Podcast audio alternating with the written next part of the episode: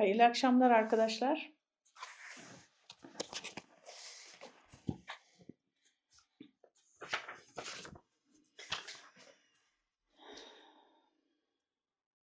Efendimiz sallallahu aleyhi ve sellemin hayatının artık son dönemine girmiş bulunuyoruz epeydir.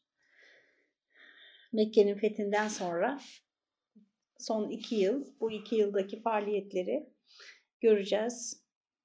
Ondan sonra da e, vefatı ile birlikte anlatımımızı tamamlamış olacağız inşallah. Çok çok uzun süren bu siyer çalışmamızı sizinle birlikte tamamlamış olacağız. Bu akşam da Hristiyanlarla ilişkiler bölümündeyiz. E, biliyorsunuz her zaman aramıza yeni katılanlar oluyor o yüzden açıklama yapayım. Biliyorsunuz biz İbrahim Sarıçam'ın Hazreti Peygamber'in, Hazreti Muhammed'in hayatı ve evrensel mesaj, mesajı, Hazreti Muhammed ve evrensel mesajı düzeltiyorum. Bu kitabından e, okuyoruz. Gerçekten oldukça özet bir kitap. Yani detaylara hiç girmeden e, hemen hemen tüm konuları ana hatlarıyla ele alıyor. Kitabın sonuna doğru e, Efendimiz sallallahu aleyhi ve sellemin karakterini, ahlakını, alışkanlıklarını yani şemailini de eklemiş aşağı yukarı. Dolayısıyla çok kapsayıcı bir kitap hakikaten. Hani bir insan şöyle tek bir kitap okuyabilirim ben bu konuda diyorsa bunu okuması lazım. Neyse bu, bu konu yarın akşamın konusu. Çünkü biliyorsunuz yarın akşam da saat 20.00'da 8'de akşam 8'de Kagem sayfasında TDV Kagem sayfasında Siyer'le ilgili kitaplardan bahsedeceğiz ve niçin Siyer okumamız iyi olur bizim için. ondan bahsedeceğiz. Neyse böyle bir giriş yapmış olduk. Epey de arkadaşımız toplanmış oldu. Vakit girmiş oldu. Arkadaşlar biliyorsunuz kitabımızın bir yöntemi var. Önce Efendimizin e, müşriklerle ilişkilerini anlattı uzun uzun. E, çünkü asıl mücadele alanı orası. E, sonra Yahudilerle ilişkilerini tekrar başa döndü ve Yahudi yani kronolojik sıradan ziyade muhataplarıyla ilişkilerine göre e, sınıflandırmış konuları yazarımız. Ee, biz de onu takip ettik. Sonra Yahudilerle ilişkilerini anlattık. Ee, müşriklerle ilişkiler bitti. Mekke'nin fethinden sonra, Huneyn Savaşı'ndan sonra. Ve e, şimdi de Hristiyanlarla ilişkiler başlığındayız. Ee, burada da çok güzel bir özet göreceksiniz. En önemli üç hadiseye burada işaret edilmiş. Başlangıçta Efendimizin e, Mekke'deyken küçük bir iki teması var Hristiyanlarla, Hristiyan fertlerle daha doğrusu. Onlara da değineceğiz. Da akabinde e, Mute Savaşı, sonra, sonra Tebük Savaşı ve son olarak da Necran heyetiyle ilişkilerinden bahsedeceğiz İnşa, inşallah. E, çok özet olarak oradan kendimize nasıl dersler çıkarmalıyız? Biliyorsunuz çünkü e, ben bir ta İslam tarihçisi değilim, bir siyer hocası değilim çok haddimi aşarak yapıyorum bu çalışmayı. Fakat bir kere Meridyen Genç'teki arkadaşlara söz vermiş olduk. O yüzden de kendi alanıma doğru çekebilmek için konuyu Efendimizin hayatından kendi günlük hayatımıza biz nasıl mesajlar çıkarabiliriz? Siyer okuduğumuzda bizim hayatımızda neler değişsin yani ne alalım oradan hayatımıza? Olabildiğince ona odaklanmaya çalışıyorum. Evet arkadaşlar hamdelemizi ve salvelemizi de tamamlayalım. Elhamdülillahi Rabbil Alemin ve salatu ve selamu ala Resulina Muhammedin ve ala alihi ve sahbihi ecma'in dedikten sonra Peygamber Efendimizin bir Hristiyanla din konusunda ilk görüşmesinin Varaka bin Nevfel'le olduğunu hatırlatalım arkadaşlar. Ee, onu hepiniz biliyorsunuz. Ee, Peygamber Efendimiz sallallahu aleyhi ve sellem Hira Dağı'nda e, ilk vahyi aldığında Cebrail'den büyük bir dehşete kapılarak evine geldi.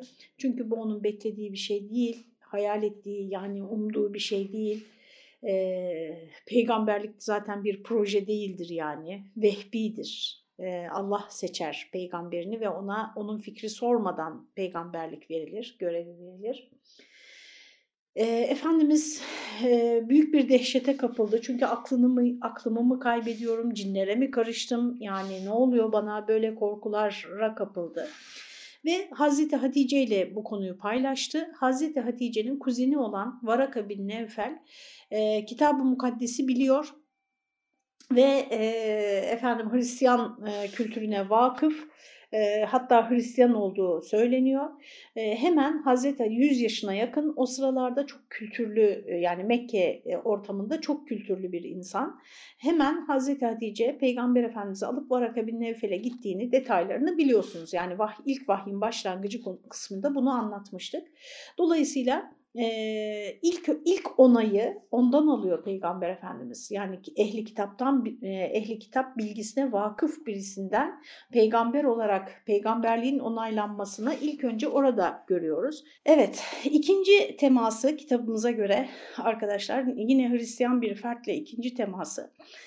E, Efendimiz sallallahu aleyhi ve sellemin nefes nefese kaldım acele edeyim derken o da e, Taif dönüşü sırasında biliyorsunuz onu da yakın zamanda anlattık sayılır. E, Efendimiz orada e, taşlanarak kovulmuştu Taif'ten. Kovulmuştu kelimesi ona hiç yakışmıyor. Yanlış oldu başka bir şey söylemek lazım. Yani şehirden çıkarılırken taşlanmıştı Peygamber Efendimiz sallallahu aleyhi ve sellem. Yanında Zeyd bin Harise var. Zeyd bin Harise daha sonra zaten bu olayı anlatıyor. Oradan biliyoruz nasıl büyük bir psikolojik e, yıkım olduğunu yani oradaki olayın Efendimizin çaresiz bir şekilde Ebu Talib'in vefatından sonra biliyorsunuz bir sığınma arayışını hızlandırmıştı Peygamber Efendimiz.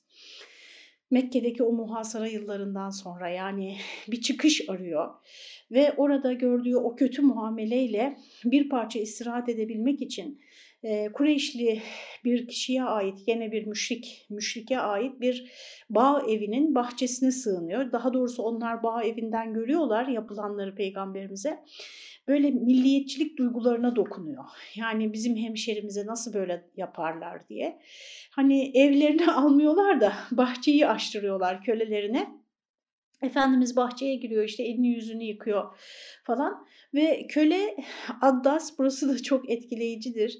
Ben e, peygamberlerin hayatında arkadaşlar çok e, kendime e, rehber edindim diyemeyeceğim çünkü aynısını yapmak benim için hiç kolay değil ama etkilendiğim ve e, beni e, dönüştürmesini Rabbimizin o yolda kullanmasını çok istediğim bir yönleri var.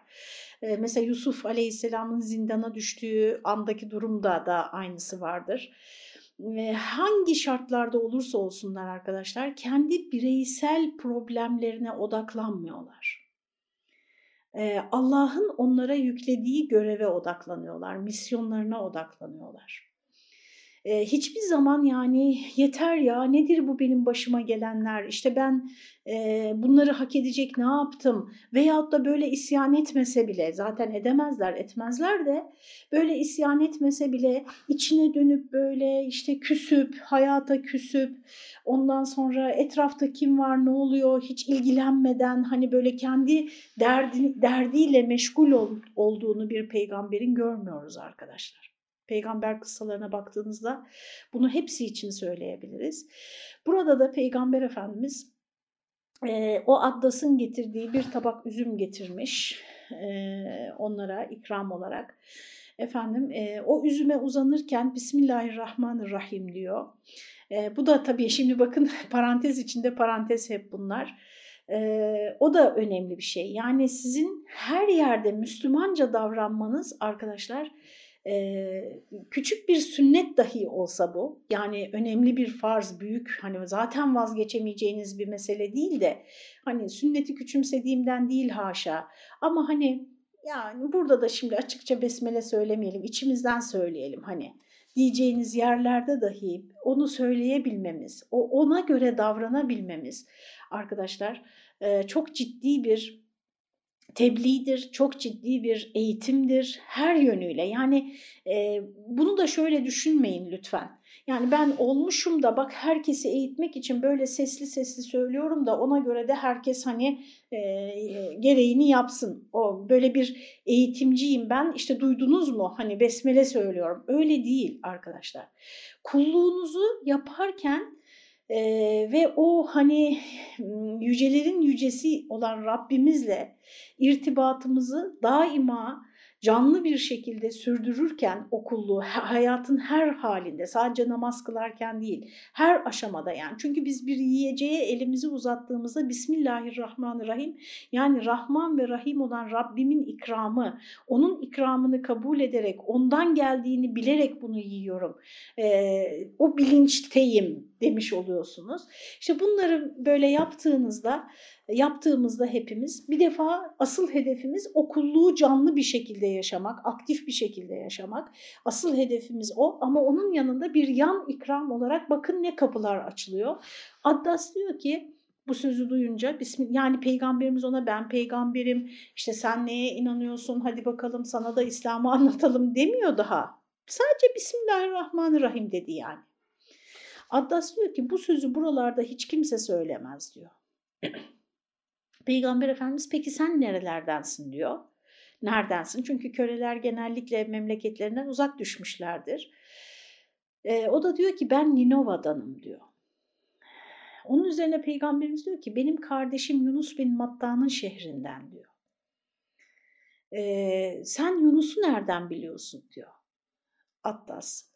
İşte onun üzerine onun peygamber olduğunu, o, o da bir peygamberdi, ben de bir peygamberim deyince e, Addas kelime-i şehadet getiriyor arkadaşlar. Yani bütün şehir onu taşlayarak kovdu ama bir köle orada ona iman etti. Nasıl bir şey? E, yani Cenab-ı Hak insanı arkadaşlar kimlerle memnun eder? Buna da bakmanız gerekir. Kimlerin adı tarihe geçer? Mesela biz şimdi o kimler taşlamıştı peygamberimizi biliyor muyuz isimlerini? Taşlayanların. Hiçbirinin ismini bilmiyoruz ama bakın Addas'ı biliyoruz. Allah ona rahmet etsin diyoruz. Onun için e, biz yani kulluğumuzu ifa etmeye bakmalıyız her şartta arkadaşlar. Onun bize nasıl kapılar açacağını, karşımıza kimleri çıkaracağını ve kimlerin bardağındaki o dolması gereken son damlanın bizim yaptığımız küçük bir hareket olabileceğini biz ölçüp biçemeyiz. E, zaten hedefimiz de o değil, insanları etkileyelim, herkes Müslüman olsun değil. Yani bu etkilemek iyi niyetle bile olsa hedefimiz o değil. Biz kulluğumuzu yapmaya çalışıyoruz ama bunu Arkadaşlar bugün öyle bir söylem var işte şov yapmayın, göstererek yapmayın. İşte şey de e, zenginlik de e, gizli, iman da gizli, para da gizli, iman da gizli falan diyorlar biliyorsunuz.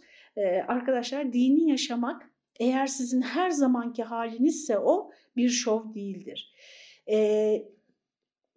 Eğer dinin görünen kısmından rahatsız oluyorlarsa bu çok mantıksız. Çünkü bizim e, biz sadece ruh olsaydık, cin olsaydık yani göze görünmeyen varlıklar olsaydık, e, bir cismimiz olmasaydı, sırf ruhtan ibaret olsaydık evet o zaman hiçbir şey görünmeyebilirdi.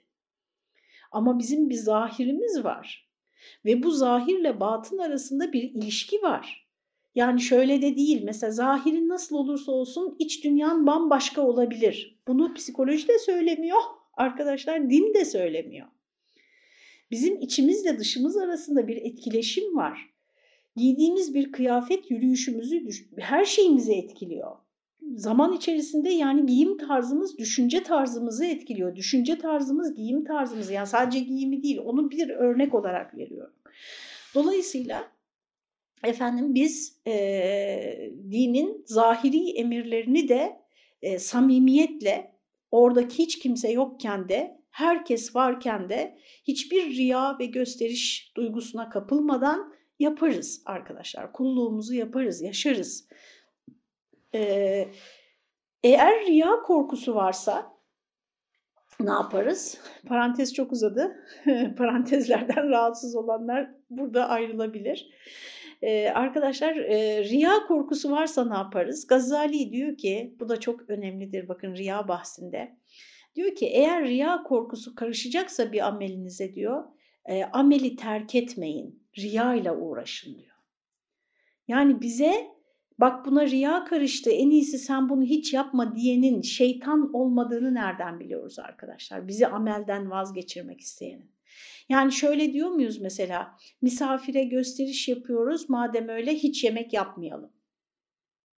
Misafire yemeklerimizle gösteriş yapacaksak yapmayacağım ben hiç yemek diyor muyuz? Arkadaşlar yemeğimizi yapacağız gösterişten vazgeçeceğiz.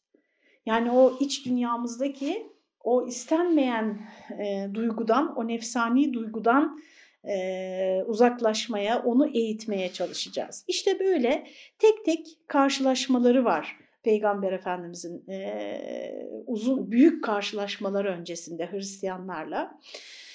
E, efendim böyle e, kitapta ismi geçmeyen başka şahıslar da var Efendimizin hayatında Hristiyan olup hani onunla tanıştığı. Bir de e, Hristiyanlara Müslümanların bakış açısı ve e, müşriklerle Hristiyanlar arasında kaldığı zaman Hristiyanları tercih etmesiyle ilgili bir örnek var. O da tarihe tarihi kayıtlara geçmiş bir örnektir. E, efendim e, Bizanslılarla Rumlar arasında yapılan bir savaşta Bizanslılarla Rumlar nedir ya? Bizanslılarla İranlılar arasında yapılan bir savaşta Sasani devletiyle e, İranlılar yendiğinde Müşrikler 611 e, yılında İranlılar yenmişler, Antakya'yı almışlar, 614'te Kudüs'ü, 619'da Mısır'ı ele geçirmişler. Yani Doğu Roma'yı böyle epey bir e, fethetmişler. Bunun üzerine Mekke müşrikleri kendileri gibi çok tanrılı dine sahip olan İranlıların Hristiyan Bizanslara galip gelmesine seviniyorlar. Müslümanlar da üzülüyorlar. Şimdi buradan da bugün için kendimize epey bir e, sonuç çıkarabiliriz. Ben tek tek sonuçları söylemeyeyim. Efendim yani e, hani gelin ey ehli kitap aramızda müşterek olan bir kelimede birleşelim. O da Allah'tan başka bir ilahın olmayışıdır e, diyor ya Kur'an-ı Kerim. Yani müşriklerle ehli kitap arasındaki bir mücadelede e, eğer bir taraf tutacaksak e, ehli kitabı e, tutmamız e, anlaşılıyor buradan. Efendim hatta müşrikler daha da ileri giderek ateşperest İranlıların kitap ehli olan Bizanslara galip geldikleri gibi kendilerinin de Müslümanlara üstün geleceklerini söylemeye başlamışlar.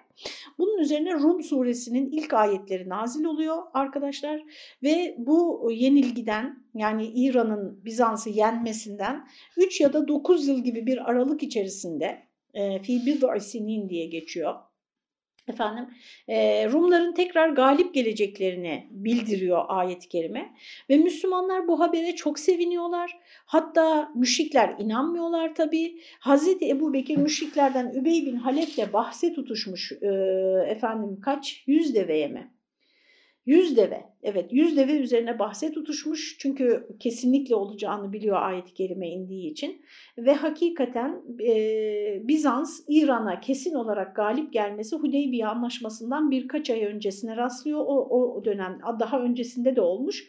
Fakat orada e, kesin zafer kazanıyorlar. Bunun üzerine Hazreti Ebu Bekir e, o sırada Übey bin Halef öldüğü için onun varislerinden yüz deveyi alıyor yani bahse girdiği için ve Hazreti Peygamber'in emriyle fakirlere dağıtıyor. Bahse girmek caiz midir sorusunu bana değil arkadaşlar e, fetva ile görevli olan e, alo fetvada çalışan işin uzmanı olan arkadaşlarımıza sormalısınız.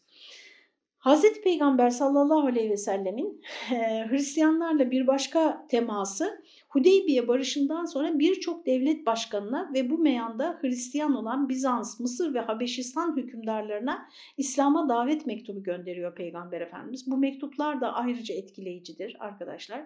Muhammed Hamidullah Allah rahmet eylesin İslam Peygamberi kitabında o mektupların her birinin e, yani sayfasının fiziki özelliklerine şu anda elimizde işte kenarı yırtık, köşesi şöyle, mürekkebi şöyle falan diye e, efendim onlar fiziki durumları hakkında bile bilgiler veriyor.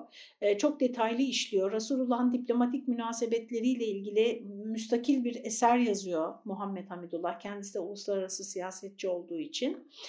E, beni en çok etkileyen orada arkadaşlar bu mektupların birkaç satır olmasıdır. E, çok İlginç değil mi? Yani birini İslam'a davet edeceksiniz ve bu davet ettiğiniz kişi bir ülkenin hükümdarı arkadaşlar. Yani şey değil hani bir mektup arkadaşınız değil sizin bir kankanız ya da işte falan zamanda tanıştığınız biri değil. E, resmi bir yazı bu yani. Resmi bir yazı. E, İslam'a davet ediyorsunuz ve bu birkaç satır.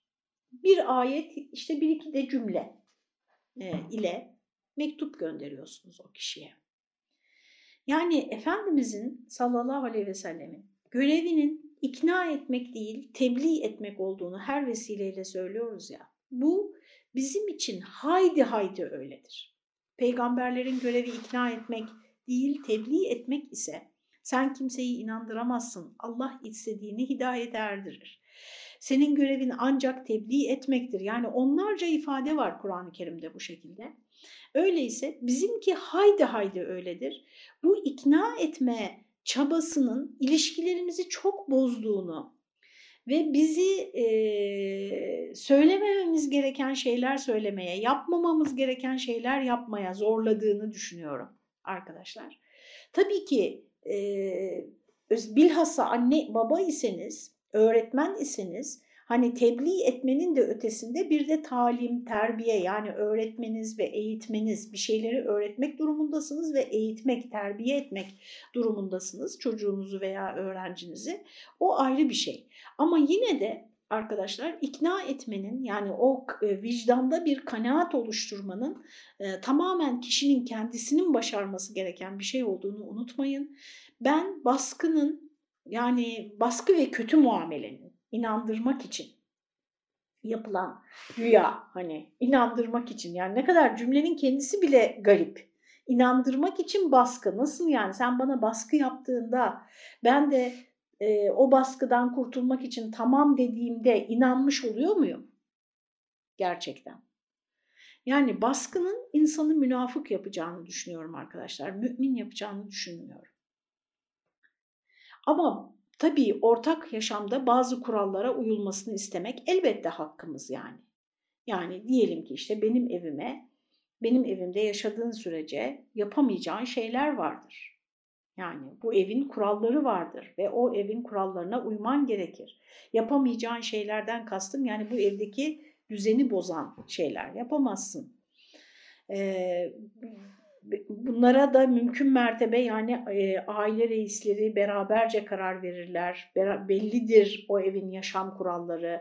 Yani onları hani toplumsal kuralları falan söylemiyorum. Ama onun dışında arkadaşlar e, ikna etmek için baskı yapmanın, zor kullanmanın, işte e, kötü muamele etmenin e, çok işe yaradığını düşünmüyorum. Ama yine de her spesifik olay için ayrıca konuşulması gerekir. Yani her olay kendi şartlarını taşır ve o şartlar e, her olayda yeni bir tavır e, göstermemizi gerektirebilir. Dolayısıyla e, hani her olay için ayrıca konuşulmalı. Burada anlattıklarımız genel ilkeler diye düşünebilirsiniz. Çok etkileyici. Yani 2-3 satırla iman edecek mi yani o, o insan? Ama bir peygamber beklentisi olduğunu bilhassa ehli kitapta biliyoruz kendileri bekliyorlar, kendileri onu konuşuyorlar, kendi kitaplarında yazıyorlar. İşte Selman-ı Farisi'nin hayat hikayesinden bunu biliyoruz, Habeş Necaşi'sinden biliyoruz, Heraklius'un, Ebu Sufyan'ın da bulunduğu, Ebu Sufyan henüz Müslüman değil o sırada, Ebu Sufyan'ın da bulunduğu bir toplulukta yaptığı soruşturmadan biliyoruz bir peygamber beklentisi var ve o peygamberin evsafıyla ilgili bilgileri var. Kur'an-ı Kerim bize diyor ki onu yani peygamberi kendi oğullarını tanıdıklarından daha yakın bir şekilde tanırlar. Daha kat'i bir şekilde tanırlar diyor. E, sahabeden biri Abdullah bin Selam'a bunu soruyor bu ayeti. Ee, Abdullah bin Selam Müslüman olmuş bir Yahudi alimidir. Ona diyor ki siz diyor gerçekten oğlunuzu tanıdığınızdan daha kat'i bir şekilde peygamberi tanıyor muydunuz? O da diyor ki tabii diyor onun diyor evsafını bize Allah bildirdi. Ama oğlumun benim oğlum olduğunu bana annesi söylüyor diyor.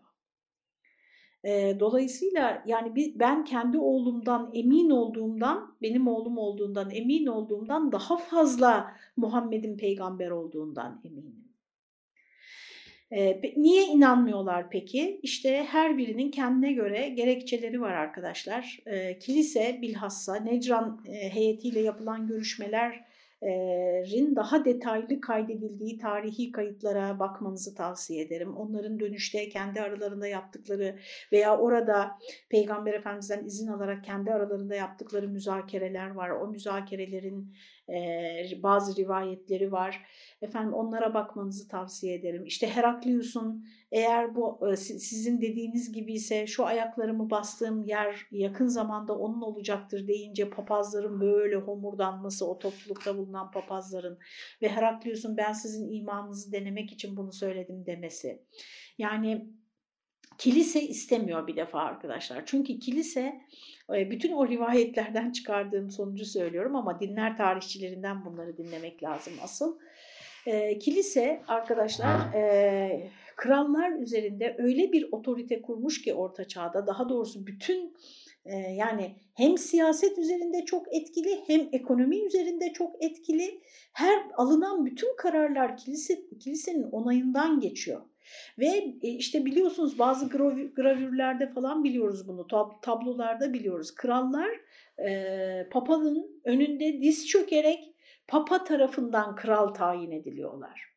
İşte e, Orta Çağ'da Umberto Eco'nun kitaplarına, romanlarına bakın, Gül'ün adını okuyun mesela. Orta Çağ'da e, Avrupa'nın köylüleri böyle haşerat yemek açlıktan yani açlıktan e, fareleri, haşereleri yemek durumundalar, pislik içinde, yokluk içinde yaşarken bütün kazançlarını kiliselere vergi olarak ödüyorlar. Kilisedekiler e, altın kadehlerden efendim böyle çok debdebeli sofralarda çok muhteşem yemekler yiyorlar, muhteşem giysiler giyiyorlar, çok e, çok fevkalade yüksek standartlarda yaşıyorlar. Çok müthiş bir gelirleri var. Halk üzerinde müthiş bir şeyleri var, e, otoriteleri var. E, daha sonra işte reformun falan ortaya çıkmasında da kilisenin bu e, yapısının etkisi olduğunu söylüyorlar. Neyse biz hemen Siyer'e dönelim. Diyeceğim şu ki e, o bulundukları statüyü kaybetmek istemiyorlar.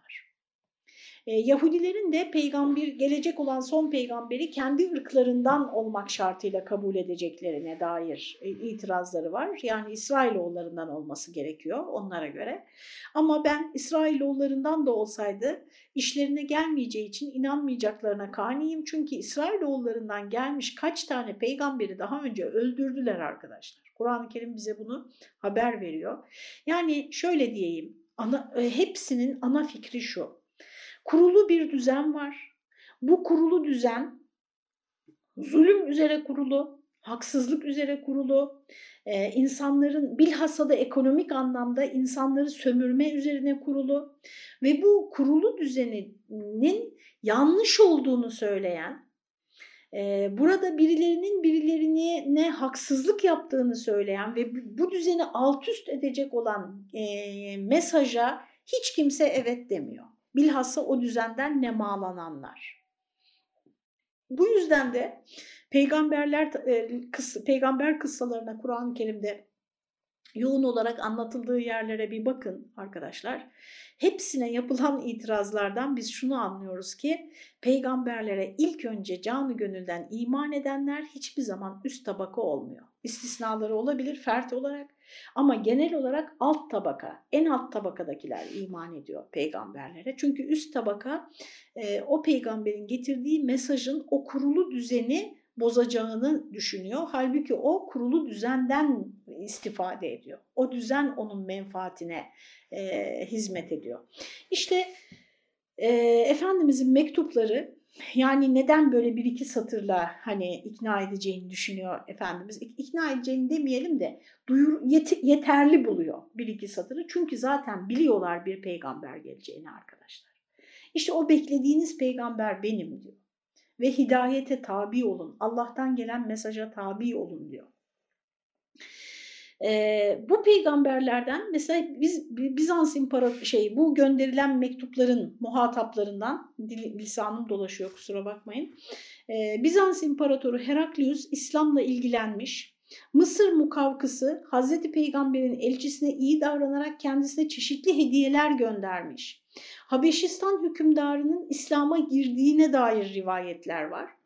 Ee, ama bunun yanında çok kötü muamelelerle karşılaşan elçiler de var. Hatta öldürülenler var. Ee, mesela Peygamberimiz Haris bin Umeyr el-Ezdi'yi bir mektupla Bizans'a bağlı Busra valisine göndermiş. Elçi Mute'ye varınca Bizans'ın bir diğer valisi Şurahbil bin Amr el-Gassani tarafından yakalanıp öldürülmüş. Haris Hazreti Peygamber'in öldürülen tek elçisi ve bu olay Resulullah sallallahu aleyhi ve selleme son derece üzüyor. Arkadaşlar e, dolayısıyla Peygamber Efendimiz sallallahu aleyhi ve sellem e, bu muamele yani elçisinin öldürülmesi, diğer taraftan da Zatu Atlah'ta öldürülen Müslümanların maruz kaldığı hukuk ihlaline karşılık vermek üzere 3000 kişilik bir ordu hazırlıyor. Size daha önce de söylemiştim arkadaşlar. Mesela yine geçen de e, geçen günlerde bir başka ders için Kur'an mealini tekrar baştan sona okurken çok bildiğim ama e, ilk defa dikkatimi çeken bu, bu açıdan yani bir ayeti kerime ile karşılaştım. Diyor ki Estağfirullah ve la tucadilu ehlel kitabi illa billetihi ehsen illellezine zalemu minhum diyor. Ve la tucadilu ehlel kitabi illa billetihi ehsen. Ehli kitapla sadece en güzel yöntemle mücadele edin. Başka bir yönteme başvurmayın. En güzel şekilde onlarla mücadele edin. İlla billetihiye ahsen. İllellezine zalemu minhum. Ama onlardan zalimlik yapanlar bunun haricindedir. Yani arkadaşlar büyük bir zulüm, bir haksızlık, bir hukuk ihlali, bir e, burada elçinin öldürülmesi arkadaşlar senin devletinin tan varlığının daha doğrusu hukuki varlığının tanınmaması demektir. Çok büyük bir meydan okuma demektir siyasi açıdan. Efendimiz asla böyle şeyleri, e, böyle ihlalleri, böyle yok saymaları, e, hukuka aykırı davranışları biliyorsunuz daha önce bir Rimavune ve Recep vakalarında da görmüştük. Asla karşılıksız bırakmıyor arkadaşlar. 3000 kişilik bir ordu hazırlıyor. Kime karşı? Rumlara karşı arkadaşlar. Rumlar o günkü dünyanın süper gücü.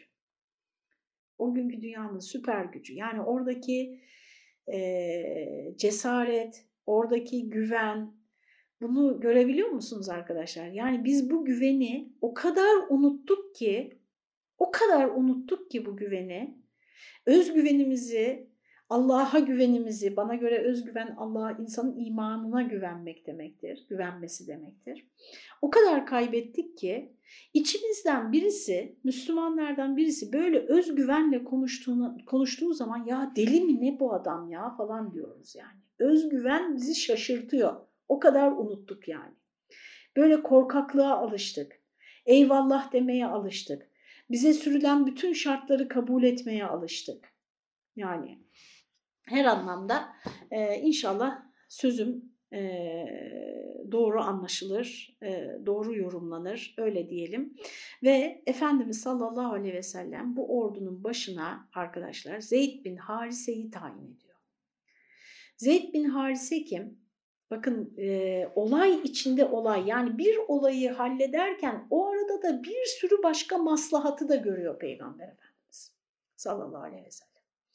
Zeyd bin Harise bir köle arkadaşlar. Evet azat edildi. Peygamber Efendimizin evlatlığıydı biliyorsunuz.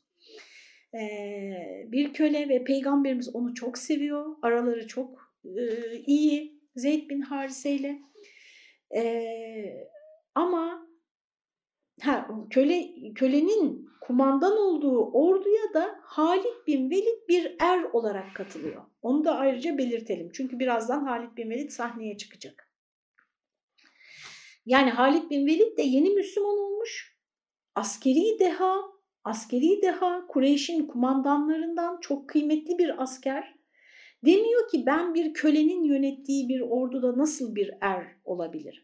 Yani zihinleri nasıl Peygamber Efendimiz işte az önce söylediğim peygamberlerin getirdiği mesajların kurulu düzeni alt üst etmesi derken bunu söylüyorum. Biz arkadaşlar köleliğin var olduğu bir dünyada yaşamadık elhamdülillah kölelerin adının bile olmadığı, sayıyla, numarayla söylendiği, efendim e, zevk için sahiplerinin, kölelerin uzuvlarını kestiği, İşte Amerika'daki kölelik hikayelerini biliyoruz. Dünyanın her yerinde böyle hikayeler.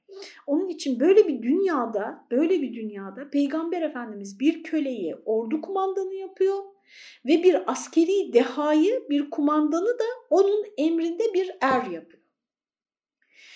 Sonra bunu bir tarafa koyalım. Sonra daha önce hiç yapmadığı bir şey yapıyor arkadaşlar. Ee, daha önce bir kumandan tayin etmişse bir orduya başkasını tayin etmemiş. Yani kumandanınız budur. Orduyla beraber Peygamber Efendimiz Medine'nin çıkışına kadar ilerliyor. Orada kumandana özel olarak söyleyeceği bir şey varsa, özel bir emri varsa onu söylüyor. E, genel olarak orduya, askere hitap edecekse ediyor. Savaş hukukuna dair ifadeleri genellikle bu hutbelerden alıyoruz.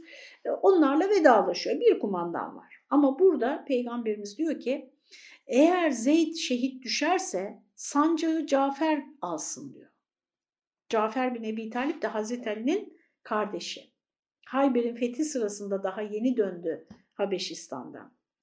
Bakın biri kendi evlatlığı, kendisine evlatlık aldığı, tabii evlatlık sonradan iptal edildi biliyorsunuz İslam'da. Yani e, sakın bu, burada da parantez açalım arkadaşlar. İslam'da evlatlık yoktur diye yetimleri yetimhanelere terk etmeyin eğer imkanınız varsa. Ev, yani üzerinize geçiremezsiniz. Soyunu unutturamazsınız ona. Herkes kendi soyunu bilme hakkına sahiptir. Soyadını değiştiremezsiniz ama içinde yetim, bar, yetim barınan ev arkadaşlar ve yetimin hamisi olan kişiyle ilgili Peygamber Efendimizin sayısız e, teşvikleri var. Ee, evlatlık kurumu iptal edilince o süre o sürede Zeyd bin Muhammed denmiş. Muhammed'in oğlu Zeyd denmiş. Daha sonra tekrar kendi babasının ismiyle anılıyor. İşte çünkü o babanın ismi orada soy ismi gibi bir şey. Zeyd bin Harise kendi evinde büyüttüğü, çok sevdiği biri. Cafer bin Ebi Talip amcasının oğlu. Hatta Hayber'in fethedildiği gün gelmiş. Yani amcasının oğlu hangi amcanın? Ebu Talib'in oğlu. Ee, Cafer bin Ebi Talip o gün gelince peygamberimiz diyor ki bugün neye sevineyim? Hayber'in fethedildiğine mi, Cafer'in geldiğine mi? Hatta Hazreti Cafer en çok kendisini sevdiğini zannetmiş bu sözden dolayı. Peygamberimize ya Resulallah en çok kimi seviyorsun diye sormuş. Şimdi bakın nasıl e, şeyler açılıyor kapılar. Peygamber Efendimiz de ona Ayşe'yi demiş. Yani bir erkeğin kendisine insanlar arasından en çok kimi seviyorsun diye sorulduğunda hanımını söylemesi ne kadar büyük bir centilmenlik arkadaşlar. Hem haktır yani gerçektir ama aynı zamanda da ne kadar büyük bir şeydir. O günkü dünyayı düşünün yine. Sonra bununla da yetinmiyor. E, bu e, şey Cafer bin Ebi Talip diyor ki ya Resulallah ben er, kadınları sormadım diyor. Erkeklerden diyor. Ayşe'nin babasını diyor. Kayınpederini söylüyor yani. Sonra Cafer bin Ebi Talip diyor ki anladım ki bana çok sonra sıra gelecek o yüzden sormayı bıraktım diyor. Yani buradan da e, bu çok söylenir Efendimizle ilgili. Herkese öyle iltifatlar ediyor, öyle güzel muamele ediyor ki herkes en çok kendisini sevdiğini zannedermiş. E, rahmetli Ömer Faruk Arman Hoca da öyleydi arkadaşlar. Hepimize öyle iltifatlar eder, öyle yani e, hocam derdim yani iyi ki inanmıyoruz sizin iltifatlarınıza derdim. Böyle kendimizi bir şey zannedeceğiz yani inandığımız zaman. Ama o bize böyle hep kendimizi gerçekten çok önemli hissettirirdi. Allah Teala da ona ona göre davransın. yani rahmetli dediğime bile inanamıyorum arkadaşlar. O kadar e, üzgünüm o günden beri. Evet. Allah Teala daha iyilerini versin inşallah bu ümmete bütün hocalarımızın. E, Cafer de şehit olursa diyor sancağı Abdullah bin Revaha alsın. E, Abdullah bin Revaha da şair, peygamber şairi Medineli. Üçü de çok önemli kişiler ve zaten ilk ikisi şehit olacağını anlıyor böyle söylendiğinde arkadaşlar. Yani Zeyd de anlıyor, e, Cafer de anlıyor şehit olacaklarını. E, orduyu Seniyyetül Veda'ya kadar uğurladı Peygamber Efendimiz. E, Müslümanlardan bölge halkını İslam'a davet etmelerini, kabul ettikleri takdirde savaşmamalarını, aksi takdirde Allah'a sığınıp onlarla savaşmalarını istedi. Ayrıca Müslümanlara sözlerinde durmalarını, aşırı gitmemelerini, çocukları, kadınları, yaşlıları ve manastırlara çekilmiş kimseleri öldürmemelerini, hurmalıklara zarar vermemelerini, ağaçları kesmemelerini ve binaları yakmamalarını tembih ve tavsiye etti. Müslümanlar Mağan'a kadar geldiler ee, Bizans İmparatoru Herakleius'un o sırada başka bir vesileyle hem e, Hristiyan olan Araplardan da topladığı e, 100 bin mi 200 bin mi olduğu kaynaklarda tartışmalı olan yani en az 100 bin kişilik bir ordusuyla Maab'a geldiğini öğrendiler.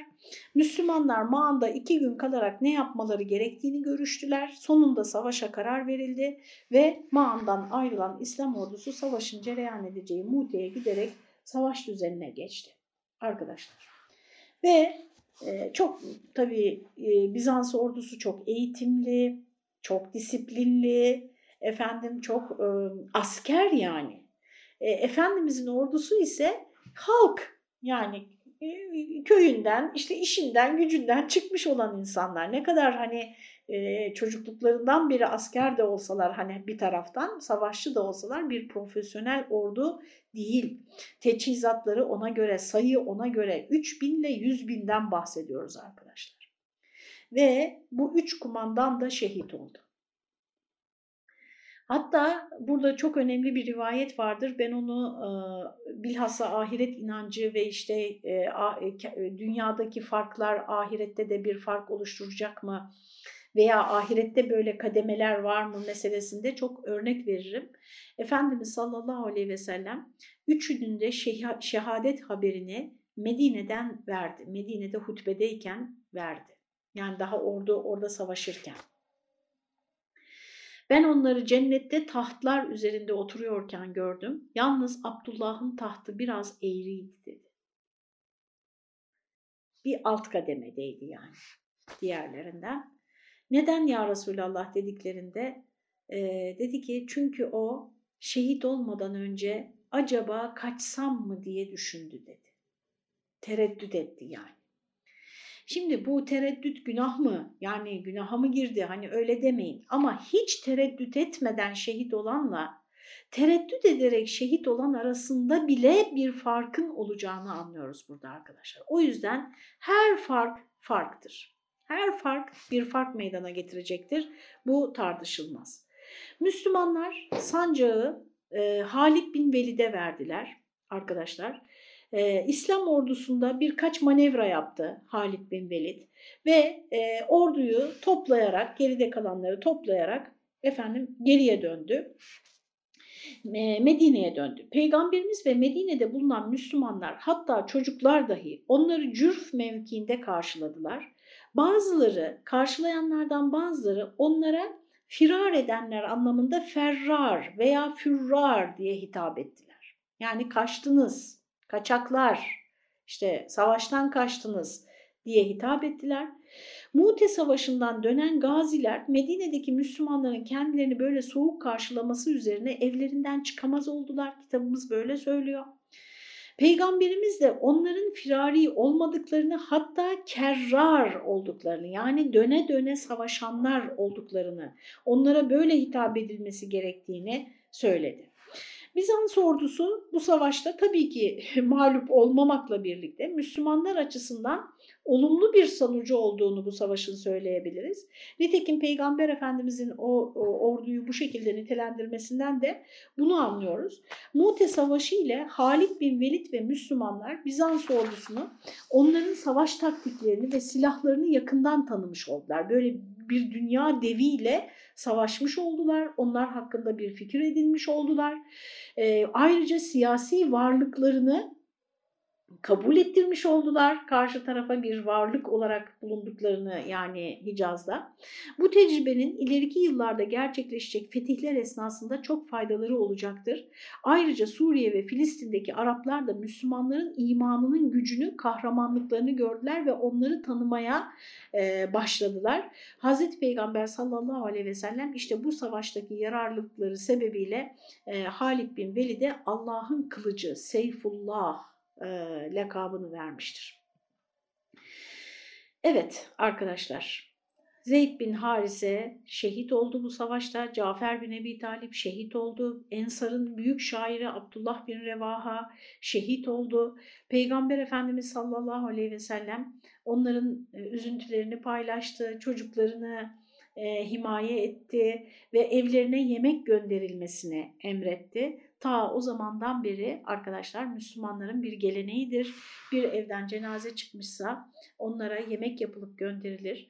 Acizane kanaatim arkadaşlar e, İslam'ın cenaze ile ilgili tavsiyelerinin o ölüm şokunu atlatmamızda ve bunu da bütün eş dostla birlikte bütün hani cenaze şeylerini düşünün. İşte bir an önce defnedilmesi lazım. Öyle günlerce bekletemezsiniz. Defnedilmesi lazım. İşte defnedilmesi için yıkanması lazım. Namazının kılınması lazım. Burada bir cemaat olması lazım. İşte e, götürülüp kabre defnedileceği sırada da başka e, e, merasimler var. Uyulması gereken, yapılması gereken tavsiyeler var. Bütün bunlar sizi o anda meşgul ederek arkadaşlar o olayı daha tabii bir şekilde kabullenmenizi ve bunu da sevdikleriniz ve o vefat edeni sevenlerle birlikte paylaşarak yapmanızı sağlıyor. Bu açıdan da e, büyük bir faydası var. Bundan sonra arkadaşlar çok çok gene büyük bir hadise ama büyük bir savaş değil. Çünkü hiç savaşılmamış Tebuk Savaşı'nda. Ama çok büyük bir hadise İslam tarihinde yer etmiş.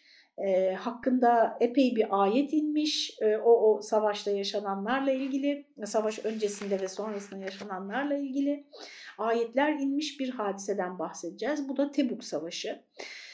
Ee, Suriye'den gelen bazı tüccarlar Efendimiz'e e, Hristiyan e, Arap kabilelerinin Bizans'tan yardım alarak Bizans İmparatorluğu ile birlikte büyük bir ordu hazırladığını ve Müslümanlara karşı bir savaşa hazırlandıklarını dair bir haber getiriyorlar. Peygamber Efendimiz sallallahu aleyhi ve sellem civardaki bütün Arap kabilelerine de haber göndererek, Müslüman olan kabilelere haber göndererek 30 bin kişilik bir ordu hazırlıyor. Bakın 3 bindi Mute'de, burada 30 bin kişilik bir ordu hazırlıyor. E, ve e, o güne kadar yaptığı e, bir usulü de terk ediyor burada. O güne kadar normalde bir sefere çıkacağı zaman hiç kimseye söylemezmiş Peygamber Efendimiz. Bunu Mekke'nin fethi sırasında da gördük. Fakat bu sefer gidilecek yeri ilan ediyor ve düşmanı da ilan ediyor. Yani Bizans'a gidiyoruz efendim ve işte kuzeye, Tebük'e gidiyoruz. Yol uzun, düşman güçlü, hava çok sıcak. Tam böyle hurmaların olgunlaştığı e, günlere rastlamış. Hava çok sıcak, onu bir tarafa bırakalım. Medinelilerin, Müslümanların yani Medineli Müslümanların en önemli geçim kaynağının hurma olduğunu düşünecek olursanız yani tam hasat anında hasadı bırakıp bu savaşa katılmaları gerekiyor. Hurmalı ve birkaç ay sürecek belki. Yani ne kadar gidecekler, ne kadar yürüyecekler, orada ne kadar kalacaklar.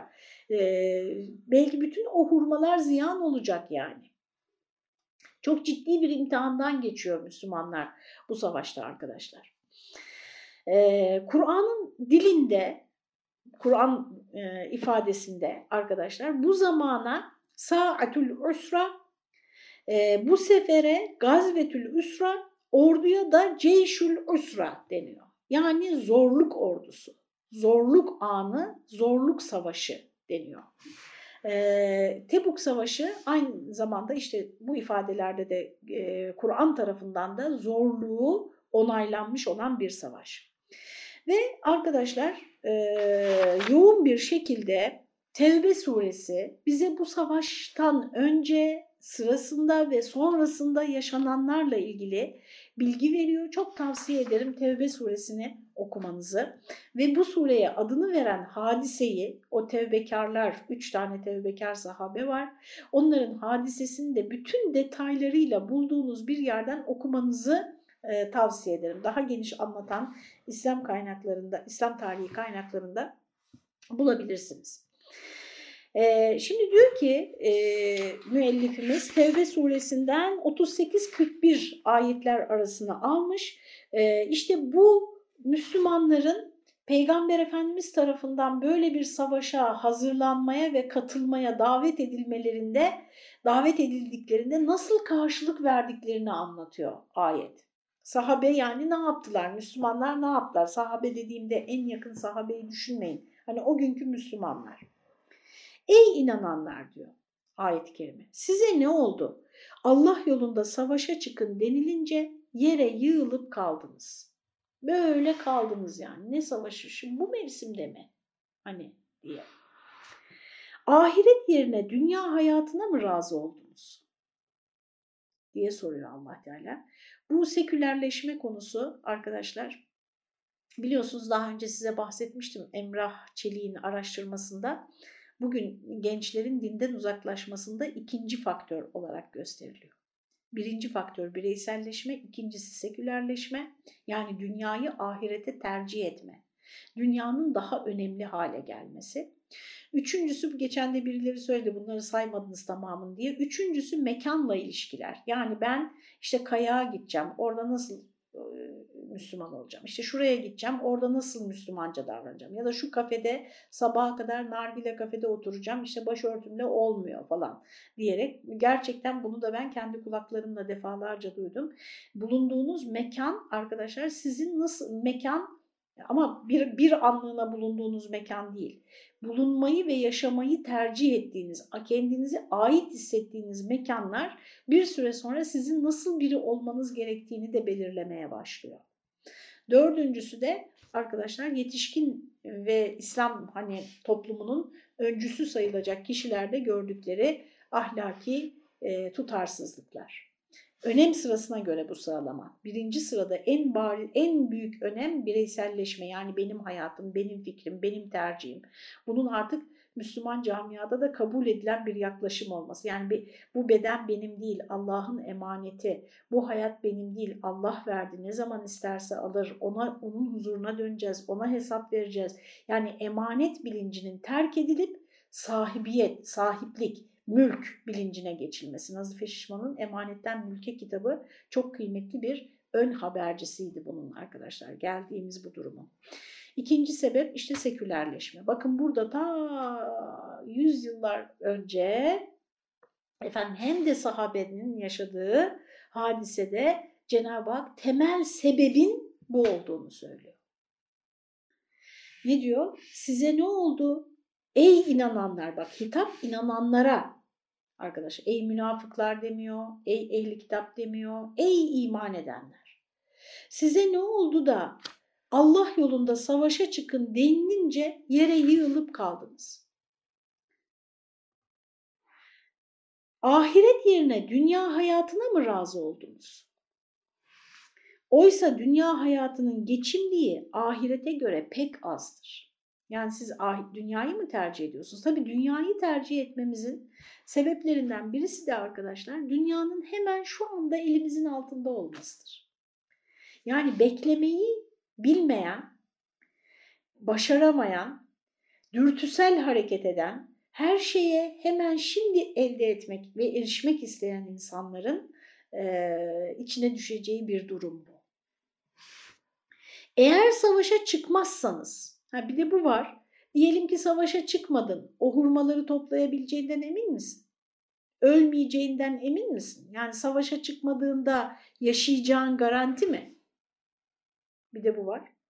Eğer savaşa çıkmazsanız Allah sizi elem verici bir azap ile cezalandırır ve yerinize sizden başka bir kavim getirir. Siz savaşa çıkmamakla ona hiçbir zarar veremezsiniz. Arkadaşlar tembellik, zevk düşkünlüğü, haz perestlik arkadaşlar, hedonistlik, tembellik, zevk düşkünlüğü, savaştan savaşı e, Savaş iyi bir şey değildir ama savaşmak zorunda kaldığınızda asla savaştan kaçmamamız gerekir.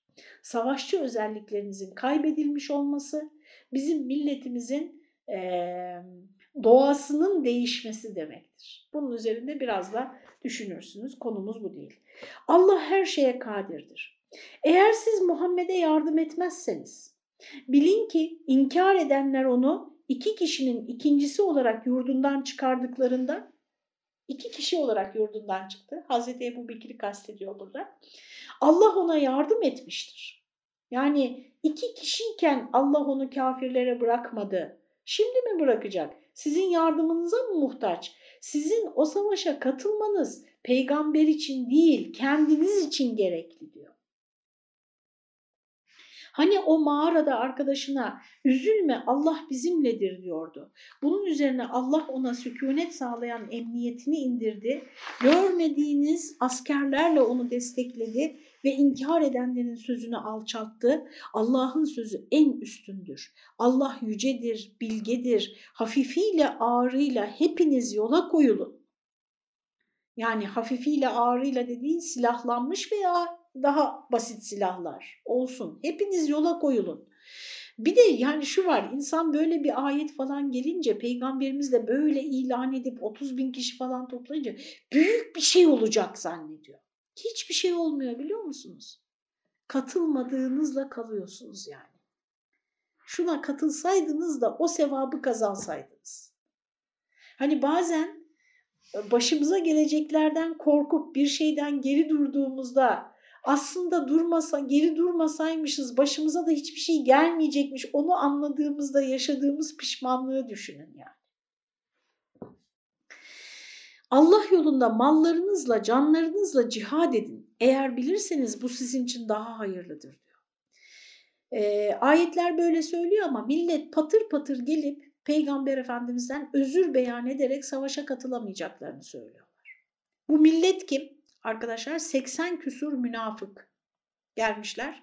Hiçbir mazeretleri olmadığı halde yalan söyleyerek Peygamber Efendimiz yalan söylediklerini bile bile onlara izin vermiş. Çünkü zaten münafıkları yakınında, yöresinde, önemli işler esnasında, etrafında istemiyor Peygamber Efendimiz zaten. Ama yine de ayeti kerime peygamberimizi eleştirmiş arkadaşlar. Bunun üzerine gelen ayet. Yani sen onlara yalan söylediklerini bile bile niye izin verdin diye. Peygamber Efendimiz sallallahu aleyhi ve sellem Zengin sahabeleri de bu savaşta yardımcı olmaya, binek te, e, teminine, yiyecek temin etmeleri için teşvik ediyor. İşte e, Hazreti Ömer'in bu sefer Ebu Bekir'i geçeceğim dediği yer burası. O kadar e, yani verme konusunda geçmek istiyor e, Hazreti Ebu Bekir'i ve malının yarısını getiriyor. Bir bakıyor ki Hazreti Ebu Bekir tamamını getirmiş. Fakat en büyük bağışı yani tamamını da getirse demek ki elinde çok bir şey yok Hazreti Ebu Bekir'in. Bu savaşa en büyük bağışı Hazreti Osman yapmış arkadaşlar. Ordunun üçte birini donatmış. Bu sırada bir grup yedi kişi olduğu söyleniyor bunların. Bir grup sahabi gelerek Peygamber Efendimiz'den elimizde hiçbir imkan yok ya Resulallah ama savaşa katılmak istiyoruz fakat bineğimiz yok, silahımız yok, hiçbir şey yok diye yardım istiyorlar. Peygamber Efendimiz de onlara yardım edemeyeceğini söyleyince elimde yok, onun da yok. O kadar çok ağlıyorlar ki arkadaşlar. Bir hani böyle yalan uyduran var bakın. Bir de savaşa katılamadığı için ağlayan var ağlıyor savaşa katılamadığı için onlara da bekkain denmiş. Çok ağlayanlar anlamında ve e, Peygamber Efendimiz sallallahu aleyhi ve sellem e, sahabesine onları da hadi bunlara da bir destek deyince e, Hazreti Osman ve birkaç kişi onların yiyeceklerini, bine, bineklerini, silahlarını temin ederek e, İslam ordusuna katılmalarını sağlamış. Hiçbir çarpışma meydana gelmiyor arkadaşlar. Ee, Hazreti Peygamber ilerleyip ilerlemeyeceği konusunda sahabesiyle istişare ediyor ve e, Hazreti Ömer'in bu kitabınızda yazıyor onlara bakarsınız. Hazreti Ömer'in de tavsiyesiyle geri dönüyorlar. Bu sırada bütün o civardaki yerleşim yerlerine arkadaşlar İslam'a davet ediyorlar. Epey İslam'a katılanlar oluyor. Ee, böyle bir faydaları da var, faydası da var bu seferin. E, ve bu savaş sırasında size az önce söylediğim gibi o bütün o süreç boyunca yani Tevbe suresinin mühim bir kısmı bu sırada nazil oluyor. Onu bakarsınız yani Tevbe suresini okumanızın tam zamanı şimdi tekrar tefsirinden okumanızın. Ve ehli kitap mensuplarına bugünden sonra artık bu surenin 29. ayetinin hükümlerini tatbik etmeye başlıyor Peygamber Efendimiz. Hristiyanlarla ilişkileri anlatıyoruz ya. Buna göre ehli kitaba dahil olan zümrelere Müslüman olmaları teklif edilir. Daveti kabul ederlerse Müslüman olurlar. Şayet kabul etmeyip kendi dinlerinde kalmak isterlerse İslam devletine cizye ödemeleri istenir. Bu cizye bir nevi vergi arkadaşlar. Gayrimüslim vatandaşlardan alınan vergi. Ee, on, yani bir nevi haksızlık gibi gelmesin kulağınıza. Kabaca söylüyorum. Çok detayları var tabii. Büyük bir hukuk doğuyor çünkü burada. Ee, arkadaşlar onlar e, Müslüman ordusuyla savaşa katılmadıkları ama buna rağmen o ordunun başarılarından ve o devletin hizmetlerinden yararlandıkları için ödedikleri vergidir. Yani gayrimüslim vatandaşlar savaşa katılmazlar Müslümanlarla beraber. Onlar işlerine güçlerine devam ederler ama buna mukabil de onlar adına bu, bu o memleketin refahını, efendim emniyetini temin eden, onların orada e, özgür bir şekilde yaşamalarını temin eden bu devlete ekstra bir vergi öderler. Ve bu vergiyi ödedikleri takdirde, efendim bunu kabul ettikleri takdirde o devletin tebası olurlar. Canları, malları, ırz ve namusları, din ve mabetleri İslam devletinin himayesi altına alınır. Kendilerine de zimmi denilir. Şimdi arkadaşlar Peygamber Efendimiz dönüyor Medine'ye. Halk sevinç içinde Seniyyetül Veda'ya koşarak aynen o e, hicret sırasında Efendimiz'i karşıladıkları yer orduyu karşılıyor. Peygamber Efendimiz hemen mescide giriyor iki rekat namaz kılıyor.